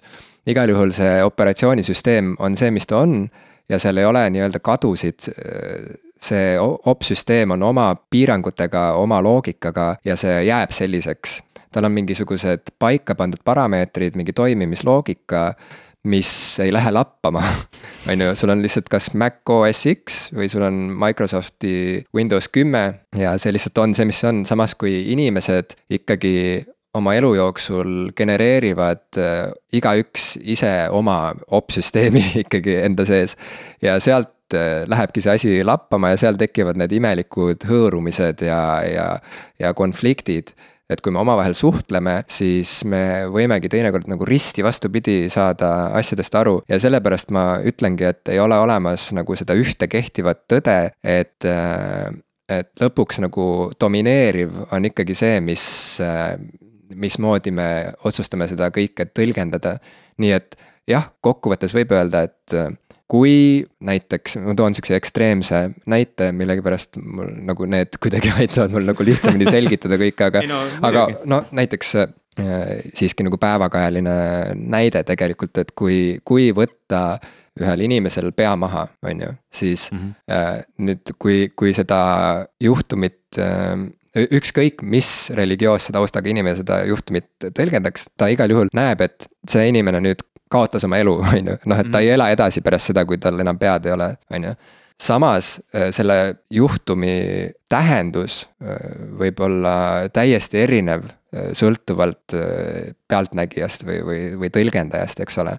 et, et kui seda olukorda tõlgendab mingisuguse äärmusrühmituse religioos, religioosne fanaatik, eks ole, mingi sihuke ISISe romantik siis äh, võib-olla kui tema näeb, et tema hukkunud võitluskaaslane nagu noh, kaotab, kaotab oma elu sellisel viisil, siis ta nagu tunneb rõõmu, sest et äh, ta teab või ta arvab, et äh, tema kamraad jätkab elu, eks ole, seal jätkab oma igavest idüllilist elu neitsite seas ja, ja oma jumala rüppes. samas kui ütleme, ateist näeb seda lihtsalt nagu ühe inimelu raiskamisena, et seda inimest enam ei ole, seda tegu ei ole võimalik heastada, seda kaotatud inimelu ei ole võimalik enam korvata ega taastada, see on mõttetu, tähendusetu vägivald, mõttetu inimelu raiskamine. ja, ja see tõlgendus nagu mõjutab kogu elutaju tegelikult, kogu reaalsustaju ja religioon ei ole ainus asi, mis meie reaalsustaju mõjutab, neid mõjutajaid on veel. aga noh, see on see, mida ma mõtlen selle all, et ei ole olemas seda ühte kehtivat tõde. Ei ole nii, et äh, kõik kasutavad äh, OS X-i vaid kahjuks on igalühel täiesti oma opsüsteem. tead ka, kui raske on panna Linuxit ja Windowsit omavahel korralikult suhtlema no kujutan ette. on küllaltki, on küllaltki jah, raske. ma tegelikult täitsa olen rahul selle kirjeldusega, mis sa, mis sa kirjeldasid, mitte et minu rahulolu oleks ääretult oluline aga ma tahtsin nagu selle, selles suhtes nagu kooli juurde selle teema nagu mingil määral tagasi tuua, et ma arvan, et koolid lähevad paremaks. vähemalt äh, ma hakkasin üks hetk uurima seda, ma tahtsin kirjutada Geeniusele artikli sellest, kuidas, äh, millised saavad olema tulevikukoolid. Ja ma arvasin, et ma olen hullult tark ja tean hästi palju sellest, äh, mis kõik saama hakkab ja uurisin ja lugesin ja. ja siis tuli välja, et ma isegi ei teadnud seda, millised on koolid praegu et, et tegelikult on nad juba nii palju rohkem arenenud kui see, mida mina mäletan oma, oma lapsepõlvest ja siis ma mõtlesin, et noh, tegelikult ma ikkagi tahan selle artikli üks päev ära kirjutada, see kõlab juba nagu natuke totakalt, ma olen seda nii kaua mõelnud juba, et, et et tahaks kirjutada, aga, aga ehk siis ma kirjutan ka nüüd, kui ta on juba välja öeldud, et ma pean nagu jõudma kõigepealt järjele sellega, et mis seal tegelikult toimub ja see on tegelikult palju ägedam, kui ma räägin oma tuttavate õpetajatega või inimestega, kes on lähemalt kokku puutunud haridussüsteemi arengutega, siis äh, ütleme, see nutimurre, mis meil igapäevaelus igal pool on olnud, on, on kindlasti ka koolides ja, ja lähenemine on erinev, esiteks on, on juba nagu sihuke keskmine olukord oluliselt paranenud, aga, aga lihtsalt neid katsetusi, erinevaid tüüpi koole, erinevaid lahendusi on, on erinevaid, mis sobivad kindlasti erinevatele inimestele erinevat moodi, et, et see valikute võimalus on, on kasvanud ja see on ääretult positiivne ja, ja ma tahaks loota, et, et mida aeg edasi, seda, seda rohkem me saame öelda tegelikult, et inimene, kes, kes koolist, kooli on lõpetanud, ei taha seda kõike maha jätta, vaid, vaid saabki võtta seda kui kui nagu sihuke positiivne, positiivne teadmiste pagas, mida siis edasi võtta, mitte selline, ma ei tea, nagu sa alguses kirjutasid, kuidagi selline rusuv tunne, mis on nagu kogu aeg kuidagi kaasas et, et noh, lõpptulemusena koolis me ju käime, see on ikkagi positiivne, me õpime lugema, kirjutama asjad, mida tuhandeid aastaid tagasi, noh, ei olnud igal inimesel võimalik lugeda ja kirjutada, see on, see on meeletult positiivne ja, ja õpime ka teadma sellest, kuidas meie kultuur töötab, kuidas meie ühiskond töötab, kuidas meie bioloogia, meie, meie ütleme, kuidas meie töötame ja kuidas meie universum töötab, me, me õpime vähemalt neid punkte, mida me selle kohta teame ja, ja see on nagu, see on ju tegelikult hea, et me neid asju õpime. jaa, et sellisel positiivsel noodil on hea seda teemaplokki lõpetada ja ma omalt poolt lõppsõnana ütlekski, et ega see ideaal või unistus ei ole see, et igal õpilasel oleks oma täiskasvanu läbi terve koolitee kõrval, kes hoiaks ta kätt ja kuidagi pidevalt räägiks talle maailma turvalisemaks ja lihtsamaks, kui see tegelikult on. et loomulikult probleemid jäävad ja, ja kannatused on elu paratamatu osa et äh, ma ei räägi nagu mingist mõttetust poputamisest, vaid konkreetselt ikkagi sellest, et inimsuhted jäävad keeruliseks ja, ja inimeseks kasvamine jääb keeruliseks ükskõik millises ühiskonnakorralduses ja ajastus ja süsteemis. aga siiski see on üks väärt asi, mille peale mõelda, et kuidas me saaksime igapäevaselt olla üksteise vastu paremad ja kuidas ikkagi nagu vähendada kannatusi. Ja seda tuleb mõelda kooli kontekstis, aga seda on väga hea mõelda ka ükskõik mis tahes teises kontekstis, nii et äh, ma arvan, et nagu teismelised jäävad vihkama kooli aga seda ängi ja, ja seda psühholoogilist ja emotsionaalset äh, nagu äh, neid kahjustusi on võimalik vähendada, ma usun jah, ütleme mõte, et, et ma tahan maailmas vähendada kannatust, on, ma arvan, väga hea mõte. aga tead, tead, mis vähendavad kannatust maailmas? koomiksid, koomiksid. koomiksid. siin teemal ei ole mitte ühtegi mõistlikku viisi, kuidas sellelt keeruliselt teemalt niimoodi sujuvalt, mõnusalt üle minna koomiksite peal, nii et ma arvan, et me lihtsalt nagu nagu see, see lause siit rusikahoobina tuli, me lihtsalt läheme üle sellelt teemalt teisele väga hea, ma just kuulasin intervjuud Chuck Palahniukiga, kus äh, ta rääkis, kuidas tema õppis koomikseid kirjutama, äh, kuna ta avaldas hiljuti äh, Fight Club kahe mm. koomiksi kujul graafilise romaanina. ja koomiksi kunstnikud siis eelnevalt tegid talle sellise väljaõppe, et koomiksi lehekülje alumises paremas servas, seal alumises paremas ruudukeses peab olema sihuke hukk ja kui pöörata lehekülge, siis lehekülje ülemises vasakus servas peab olema siis see payoff või siis see, mhm. see pööre. mingi ole. lahendus peab ja, kohe tulema sellele. E, et, et see on sihuke nagu kehtiv loogika või sihuke tava praktika koomiksi kirjutamises. et lihtsalt nagu praegu see sinu teemavahetus oli ka mingil määral sihuke nagu ootamatu pööre, et mm.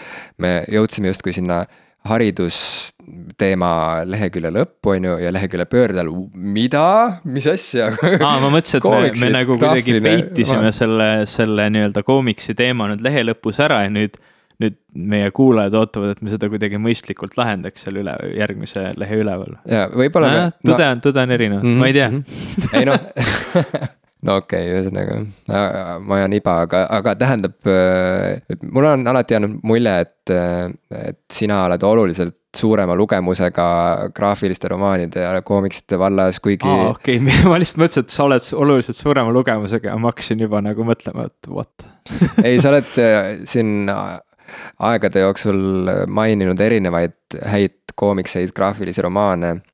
samas kui ma ise olen selle aja jooksul läbi lugenud täpselt ühe graafilise romaani ja see oligi Fight Club kaks, mille mm. ma just eile öösel lõpetasin, aga see kooli teemaga seos on tegelikult natukene olemas selles mõttes, et äh, mind hakkasid koomiksid huvitama just kuskil seal põhikooli ajal ja nii ja siis ma hakkasin neid ise joonistama ja Tallinnas oli see Cosmos Control'i nimeline pood, kust sai osta äh, välismaa koomikseid mm. ja nii edasi, et, et sealt see tuli, millal sinul see mm, armumine toimus või mis hetkel või ja miks sa avastasid enda jaoks koomiksimaailma? naljakas on see, et kui ma nagu mõtlen tagasi, siis ma ei mäleta ühtegi hetke oma elust, kus ei oleks olnud koomikseid. ma ei taha nüüd nagu selle, seda, seda öelda, et ma olen väga suur koomiksi fanatt või, või et ma loen väga palju koomikseid, mu, mu naine Eeva loeb väga palju koomikseid, aga ka mitte, mitte ütleme sellisel tasemel nagu, nagu noh, on tõsiseid fänne, võib-olla Eestis see kultuur polegi nii suur, aga no Ameerikas on ju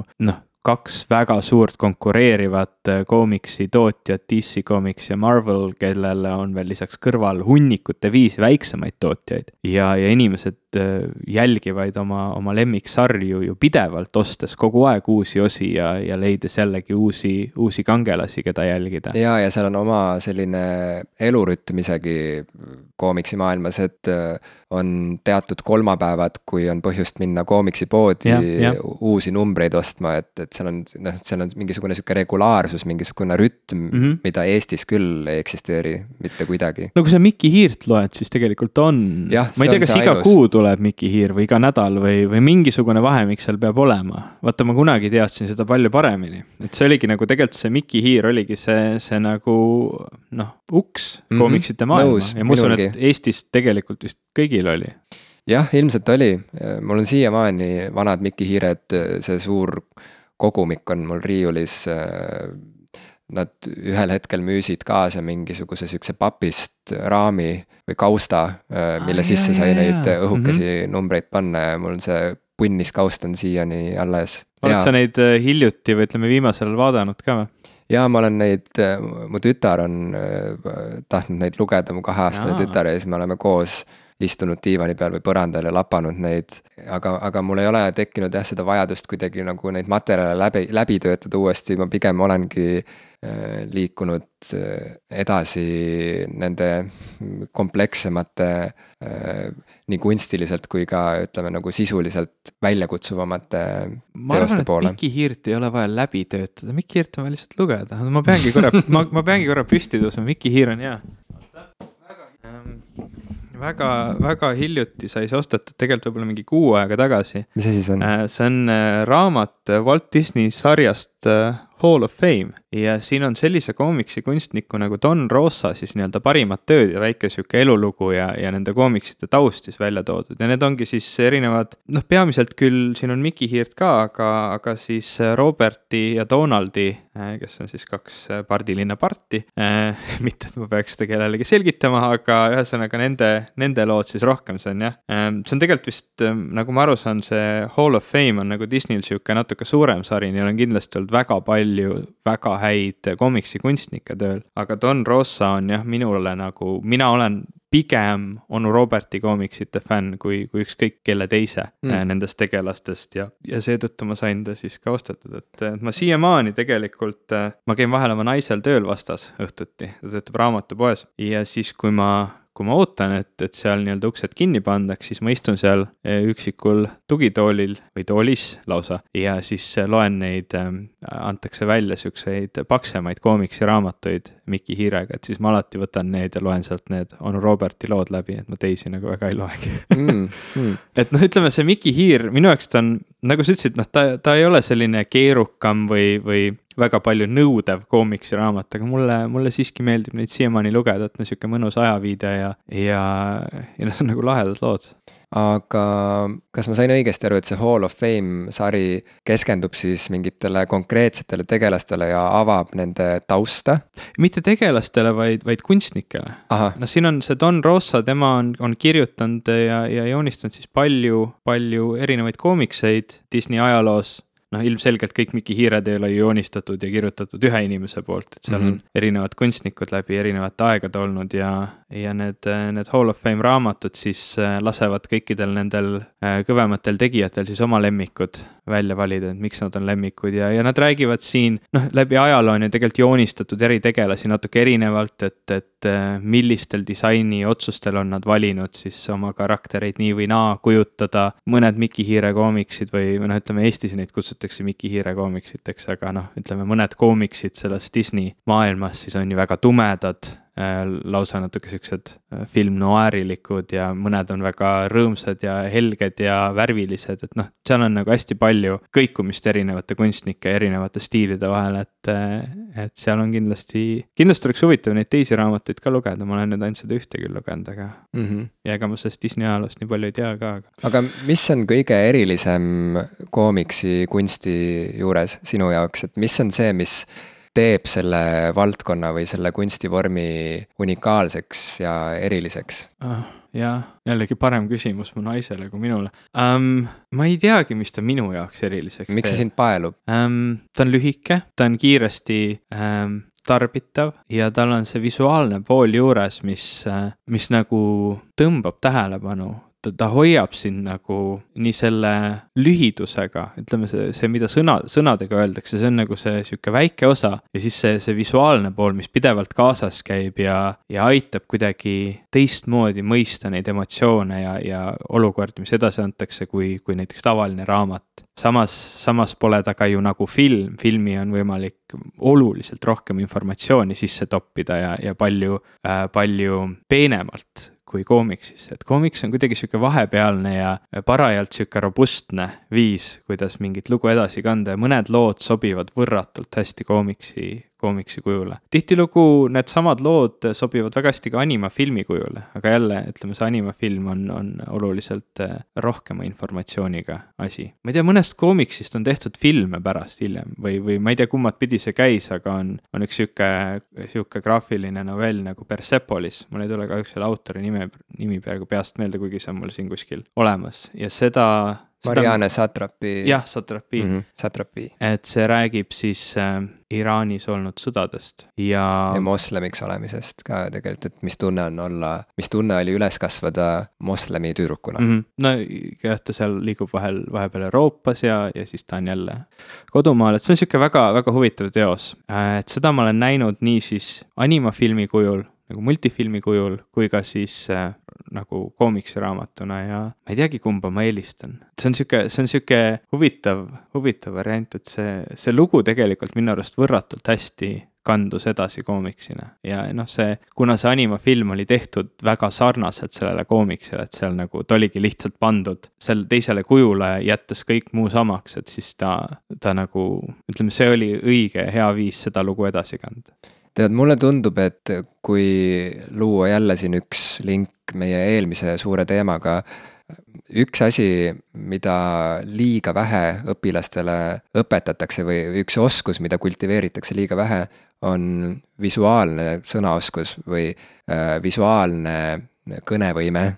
tegelikult äh, on ju lihtsalt kuidagi sattunud nii, et me oleme hakanud pidama, ütleme, kirjalikku sõna äh, nagu primaarseks äh, maailma lahtiseletamisel, äh, üksteisega suhtlemisel ja nii edasi. raamat on alati parem kui film. Jah, samas kui tegelikult on ju ilmselge, et, et ka pildis võib olla meeletu jõud, et ka pilt võib olla nii laetud, vaata, on see, see kuulus ütlus, et üks pilt ütleb rohkem kui tuhat sõna.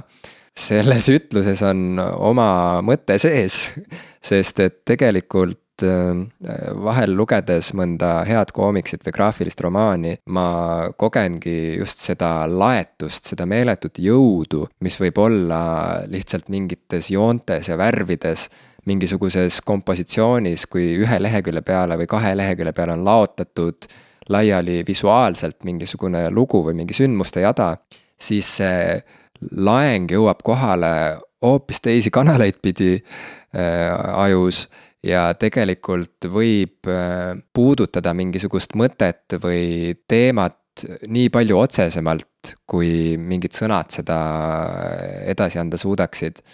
kunagi ma mäletan, ma töötasin kinos Sõprus, rebisin seal pileteid ja siis seal vahel käisid kuulsad režissöörid oma filme esitlemas ja, ja publikuga kohtumas. ja siis selline visuaalkunstnik nagu Peter Greenaway näitas seal oma filmi.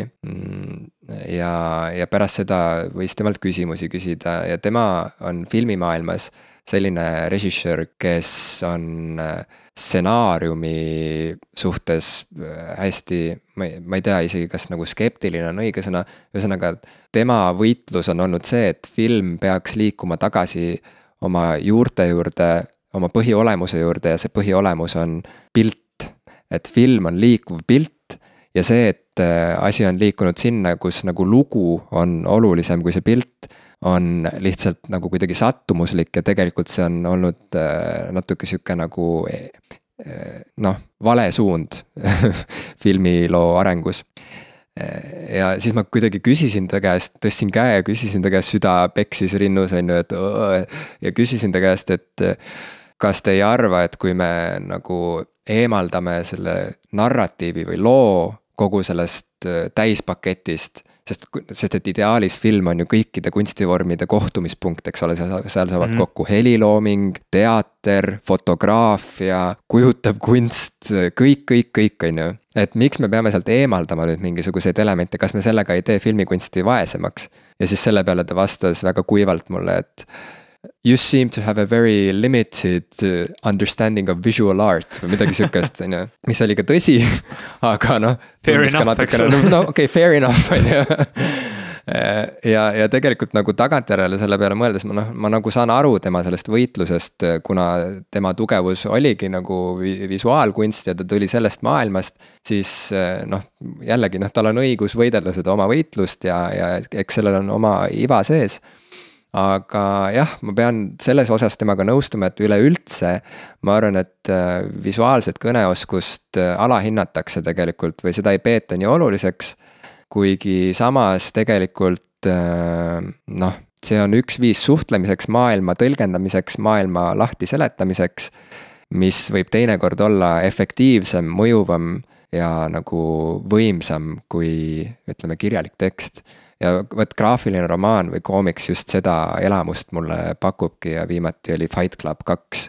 see, kus ma kuidagi sain siukse nagu värskenduse või siukse meenutuse et, äh, et pildiga saab teha nagu vapustavaid asju. aga kui me täna juba natuke siin ajaloost rääkisime, kas sul on lapsepõlvest meeles mingid väga erksad mälestused koomiksite lugemistest või mingid, mingid koomiksiraamatud, mis sul siiamaani meeles on või? Ma pean kindlasti mainima Pesakonda, mis on, et kui ma nüüd olen rääkinud, et pildiga saab teha vapustavaid asju ei ole vist nagu primitiivsemat ja robustsemat sellist nagu äh, teise äärmuse näidet kui Pesakond mis.... aga Pesakond tegi ka oma pildiga ju väga palju. aga sada protsenti ma olen nõus sinuga loomulikult, et kogu see, see toores, ülinapp kritseldatud robustne esteetika, lihtsalt mustad jooned valgel paberil, mingid koledalt joonistatud siil, koledalt joonistatud jänes ja hunt, kes joovad viina ja ajavad täiesti lolli möla suust välja, et, et see kõik kokku ikkagi oli omamoodi nagu punk see oli, see oli nagu punk jah, see oli, see oli visuaalne punk. see oli vist mingisugune selline, ma ei tea, kas ma kasutan seda sõna õigesti, eskapism inimeste jaoks, kes seda lugesid sinu, sinu poole vaadates ma vaat-, vaatan ja mõtlen, et ma vist ei kasutanud õiget sõna. ma ei tea jah, mis mõttes eskapism. kas see oleks, kas inglise keeles on sõna nagu es escapism on nagu eesti keelde kasutana eskapism või? jah, ja, ja on, on, aga okay., aga. ei noh, selles suhtes, et, et see, see roppus, see lihtsus ja see nii-öelda noh ma ei saa öelda nagu, tegelikult ta ei olnud nagu nii rumal, ta oli lihtsalt nagu lihtsameelne mingil määral. ja, ja ta oli nagu kuidagi inimeste jaoks selline, noh muidu oled selline noh, tubli tubli, rahulik kontoritööline, kes, kes ei ropenda ja, ja, ja nagu käib teatris ja puha, aga siis sa võtad selle Vesakonna koomiksi kätte ja loed seda lollust ja, ja naerad omamisi, et see on, see oli minu meelest see oli nagu selline ja noh, samamoodi kooli, koolilaste jaoks siis, et noh, see on nagu kuidagi sihuke ropp ja kindlasti täiskasvanud ei taha, et ma seda loeks, et noh, see oli, see oli sihuke väike, väike punk igasse päeva. ma ei tea jah, see vaata, mulle tundub, et pesakond oli mm, pesakond oli, pesakond oli õigel ajal õiges kohas ja ta vastas meie äh, sellele hetkele selles ajas ja selles kohas, ehk siis ta oli nagu, ta oli sihuke nagu aus ja õige asi. ja see kõnetas nii paljusid inimesi just sellepärast, et see oli nagu koheselt arusaadav ja see oli ja, ja see oli nii vaimukas ja, ja kuidagi nagu kõnekas et, et minu arust see on nagu, see on alati see oluline teema, et kuidas sa leiad oma kohalikus kultuuri kontekstis selle nõksu, kuidas sa saad kodustada mingisuguse nii-öelda võõra või laenatud vormi. Äh, nii et see hakkaks tööle sinu, äh, sinu maailmas sinu pisikeses maailmas. et me oleme ühes ammuses saates rääkinud sinuga sellest, kuidas äh, hip-hopi üritati Eestis nagu kodustada ja kellel see, kellele see paremini õnnestus ja kellel halvemini. pesakond oli selles mõttes aus ja õige asi, et äh, arvestades Eesti kohalikke selliseid ressursse, loojutustajate, koomiksi ostjate ja, ja nagu osavate joonistajate osas oli see nagu sihuke selle hetke nagu võimaluste maksimum ja oma sihukeses nagu lihtsuses ja primitiivsuses ta oligi nagu selles mõttes aus asi, et noh, ei olnudki midagi paremat nagu teha nende kohalike eelarvete ja, ja, ja, ja selle ostjate hulgaga. Samas kui ütleme nagu sihukeses nagu USA suuruses riigis on mõeldav see, et reaalselt tekib mingi koomiksikirjastus kuhu reaalselt palgatakse kunstnikke, kes teevad koostööd heade kirjanikega, kes võtavad kampa inimesed, kes tunnevad värvikompositsiooni hästi. ühesõnaga, et see kõik nagu nõuab mingit teatavat sellist miinimumressurssi, mida Eestis lihtsalt ei ole, et ma olen ju siin aegade jooksul, aastate jooksul näinud erinevaid üritajaid ja, ja veel hiljutigi ju äh, Hooandjas oli projekt, kus sai toetada noorte andekate koomiksikunstnike kogumikku, aga need kõik on sellised fragmentaarsed katsetused, sellist suurt koomiksi lugu ei suuda keegi kokku panna nagu siinsetes oludes. või siis suudaks, aga tal peab olema nagu lihtsalt uskumatu selline nagu sihipärasus ja, ja ja, ja kuidagi järeleandmatus, et, et ta lihtsalt nikerdaks seda aastate kaupa põhimõtteliselt üksi siis täiesti ilma rahata, noh, põlve otsas, on ju. no seda tehtakse ju läänemaailmaski nii-öelda üksikuid koomiksikunstnikke, kes, kes kirjutavadki oma loo, noh nagu, nagu sina kirjutad raamatu, tema kirjutab siis, siis koomiksi näol, illustreerib selle ise, kirjutab ise ja tulebki midagi välja, aga noh, see, see nõuab tõesti väga palju erinevaid oskusi, kas, kas või juba see, mida, millega sa alustasid, et noh, et kuidas siis viia see inimene ühelt lehelt teisele?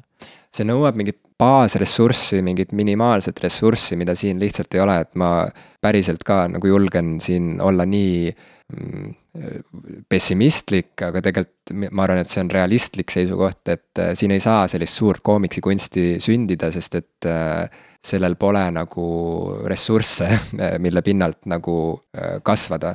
aga meil on ressurssi osta sisse koomikseid ja tõlkida need eesti keelde, vaata, see on, see on jah, nagu see, mida me suudame teha. Um, kuigi tead, siin on väga huvitav punkt.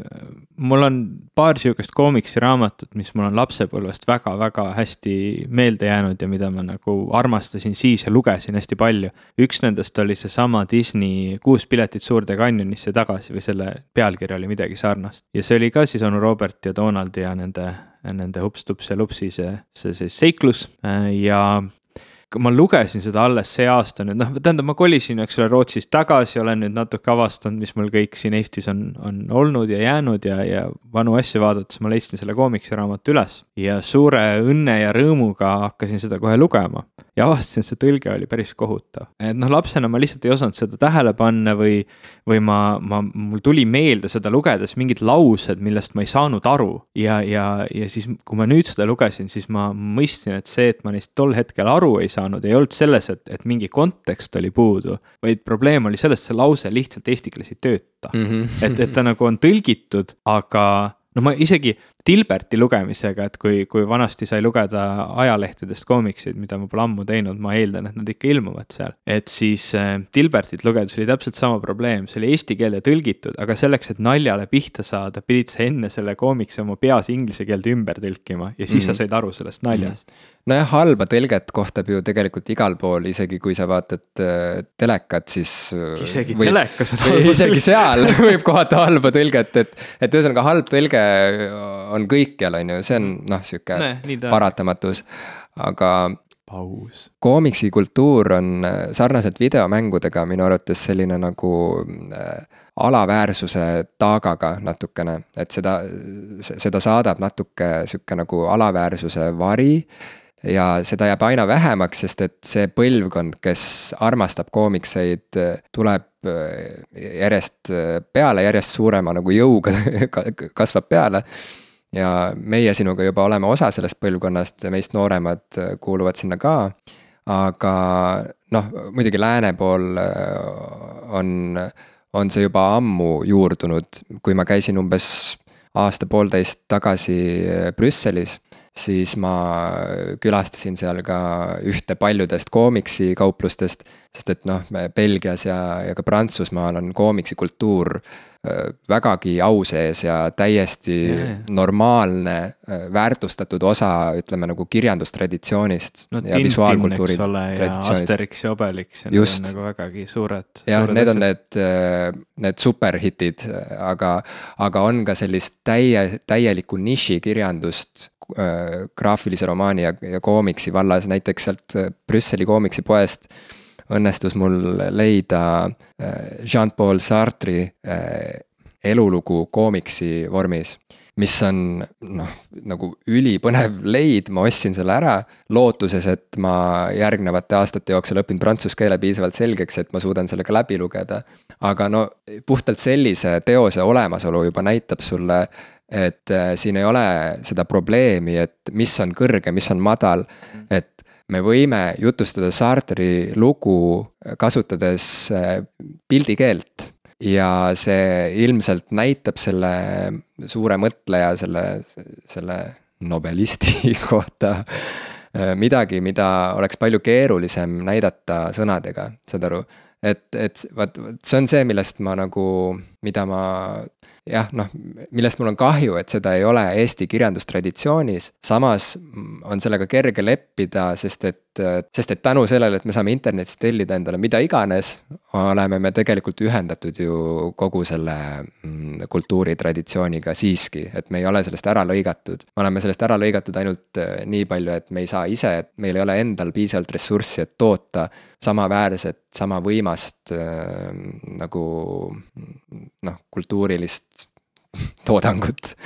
Et hiljuti ju Rein Raud oli Plektrumi saates ja siis seal ta kõrvutas Tõde ja õigust ja Simsoneid. ütles, et nad on nagu kultuurilises, oma kultuuriliselt kaalukuselt või tähendusrikkuselt äh, noh, samaväärsed ja ma saan aru, kuidas nagu mingit sorti Eesti inimesele kõlab see nagu blasfeemiliselt, aga minu kõrvadele kõlab see nagu, nagu mõistlik jutt ja täiesti no. põhjendatud seisukoht. laiemas kontekstis on Simsonitel ju palju suurem kultuuriline tähendus, sest ta on nii mitmes kultuuris oluline. ja, ja, ja, ja aga lihtsalt, et noh, et see on nagu see on sihuke hea äh, kõrvutus selles mõttes, et Tõde ja õigus on sihuke kultuuriline mm, reliikvia meil, on ju, mille külge saab äh, pookida sellist nagu, et see on, see on nagu sihuke nagu kõrgkunsti tipp mõnes mõttes või sihukese tõsise kunsti tipp.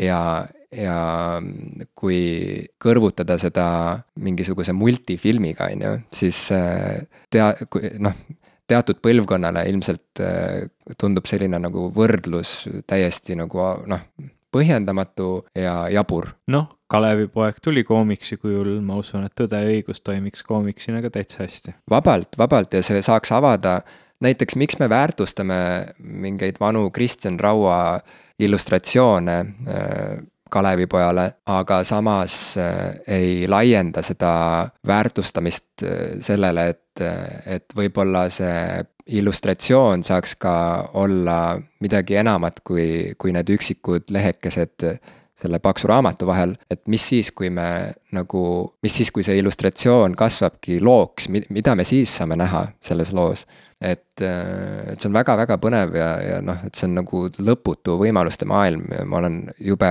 õnnelik, et ma olen kuidagi leidnud tagasitee mm, graafiliste romaanide maailma juurde, Frank Milleri Sin City näiteks on teine suur-suur lemmik. et see, mismoodi sa saad anda mingit atmosfääri, mingit nagu meeleolu ja sellega mingit mentaliteeti edasi, ilma sõnadega seletamata, vaid puhtalt värvide, joonte, tekstuuridega.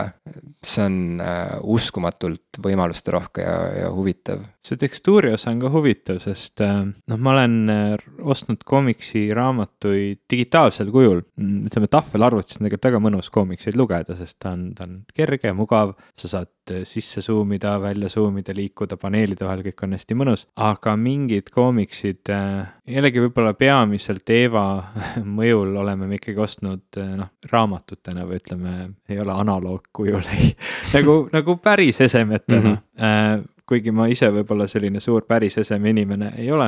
aga jah, see tegelikult ikkagi seda trükitud pilti käes hoida on nagu, nagu mingil määral ikka teine tunne ja, ja koomiksiraamatud on tänapäeval nii võrratult ilusasti trükitud, kvaliteetsed koomiksid näevad väga-väga head välja, värvid on kirkad, värvid on tugevad, detaile on meeletult palju, neid, neid joonistatakse väga detailselt ja noh, see saaga, mida ma olen ka varem soovitanud, et seda, seda on lihtsalt no ole, olgugi, et mõni nendest piltidest seal on väga kole on seda väga ilus vaadata ja seda nii-öelda, seda kogu, kogu presentatsiooni. aga kui me siin, äh, sa tõid pesakonna välja, et, äh, et noh, ju väga suurel osal inimestest tegelikult on, on koomiksid seotud peamiselt ajalehtedega, ajalehtedes on koomiksid ja see, see ei ole mitte ainult meie põlvkonnale, see on nagu ka vanematele põlvkondadele, kõigile meeldib ju, ju ikkagi seal ajalehe lõpus need, need koomiksid korra üle vaadata, et äkki on midagi naljakat seal Valdo Jahilo anekdootide kõrval. aga, aga nagu noh, ütleme võib-olla meie põlvkonna jaoks, ma ei tea, kas sa,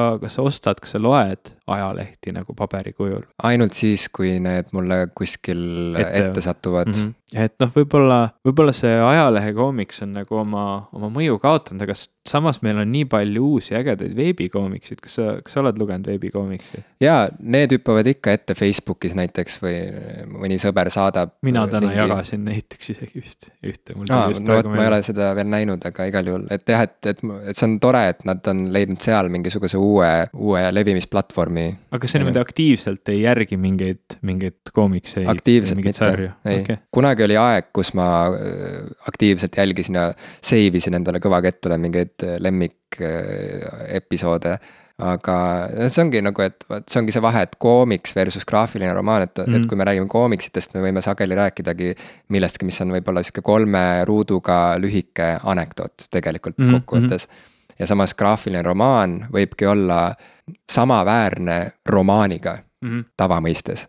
ja sellepärast ma sain ka nii suure elamuse näiteks Fight Club kahest, et esiteks juba see kontseptsioon, noh, inimestele, kes on sama suured Fight Clubi huvilised fännid nagu mina, noh, nad ilmselt mõistavad, kui ma ütlen, et juba see mõte sellest, et saaks olla olemas sihuke asi nagu Fight Club kaks tundub täiesti nagu arusaamatu ja jabur sest Fight Club ise noh, ta oli nagu terviklik, siukse nagu noh, igati nagu lõplik lugu.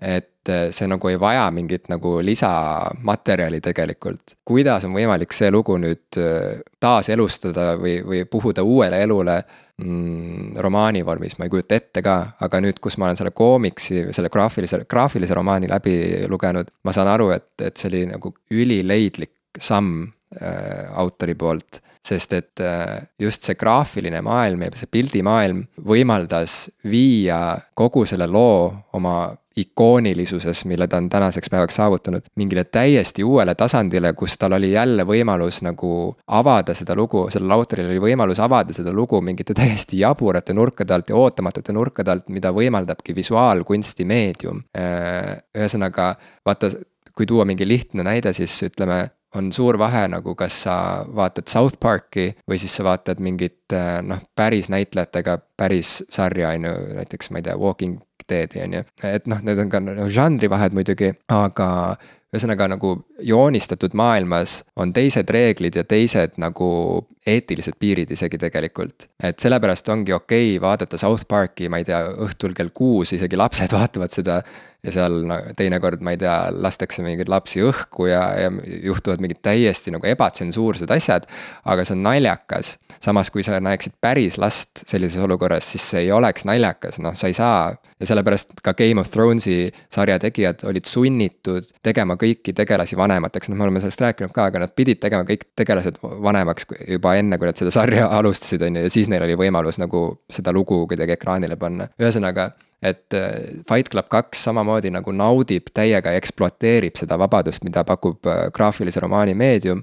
ja tänu sellele liigub see lugu mingile täiesti nagu, see on täielik maiuspala fännidele, Fight Clubi fännidele ja, ja üleüldse see on nii mõnusalt jutustatud lugu, sest et see läheb nagu nii keerukaks ja mitmetasandiliseks et, et, et jällegi ma sain jah, sihukese nagu õppetunni sellest, kuidas pildiline meedium, koomiksi formaat äh, võimaldab kirjanikule, jutuvestjale mingisuguseid vabadusi, mille peale ta ilmselt isegi ei tuleks, kui ta tegeleb ainult, kui ta tegutseb ainult, ütleme, oma Word'is vot. aga nii. kui inimene ei ole, ma ei tea, lugenud esimest Fight Clubi või vaadanud filmi, kas ta suudaks seda samamoodi nautida? ta saaks äh, seda nautida küll aga seal on väga palju selliseid nagu viiteid, vihjeid, nalju, äh, mida siuksed truehead fännid saavad ikka noh, täiel rinnal nautida ma pole kunagi Fight Clubi näinud ega lugenud, nii et ma ei, oh, ma ei teagi. ausalt või, täitsa lõpp ei ole või? oi, oi, oi, okei ma tean, et see on selline vägagi Ossa tugev raisk. kultusromaan ja kultusfilm ja, ja sellest on nagu palju, palju juttu olnud, aga. noh, ta on nagu ütleme, meie kultuurilises mälus kogu aeg sees või teda okay. tuuakse välja, aga jah, ma ei. väga huvitav selles mõttes, et äh, see on hea punkt võib-olla, kus lõpetada, et nüüd ma lihtsalt lähen koju ja toon sulle selle raamatu, selle DVD ja lõpuks lõpuks toon selle graafilise romaani ka. väga kuskil vaadata, Eva arvutist toon sulle mingi seadme, mingi seade, mis, mängib DVD-sid ka, et ühesõnaga.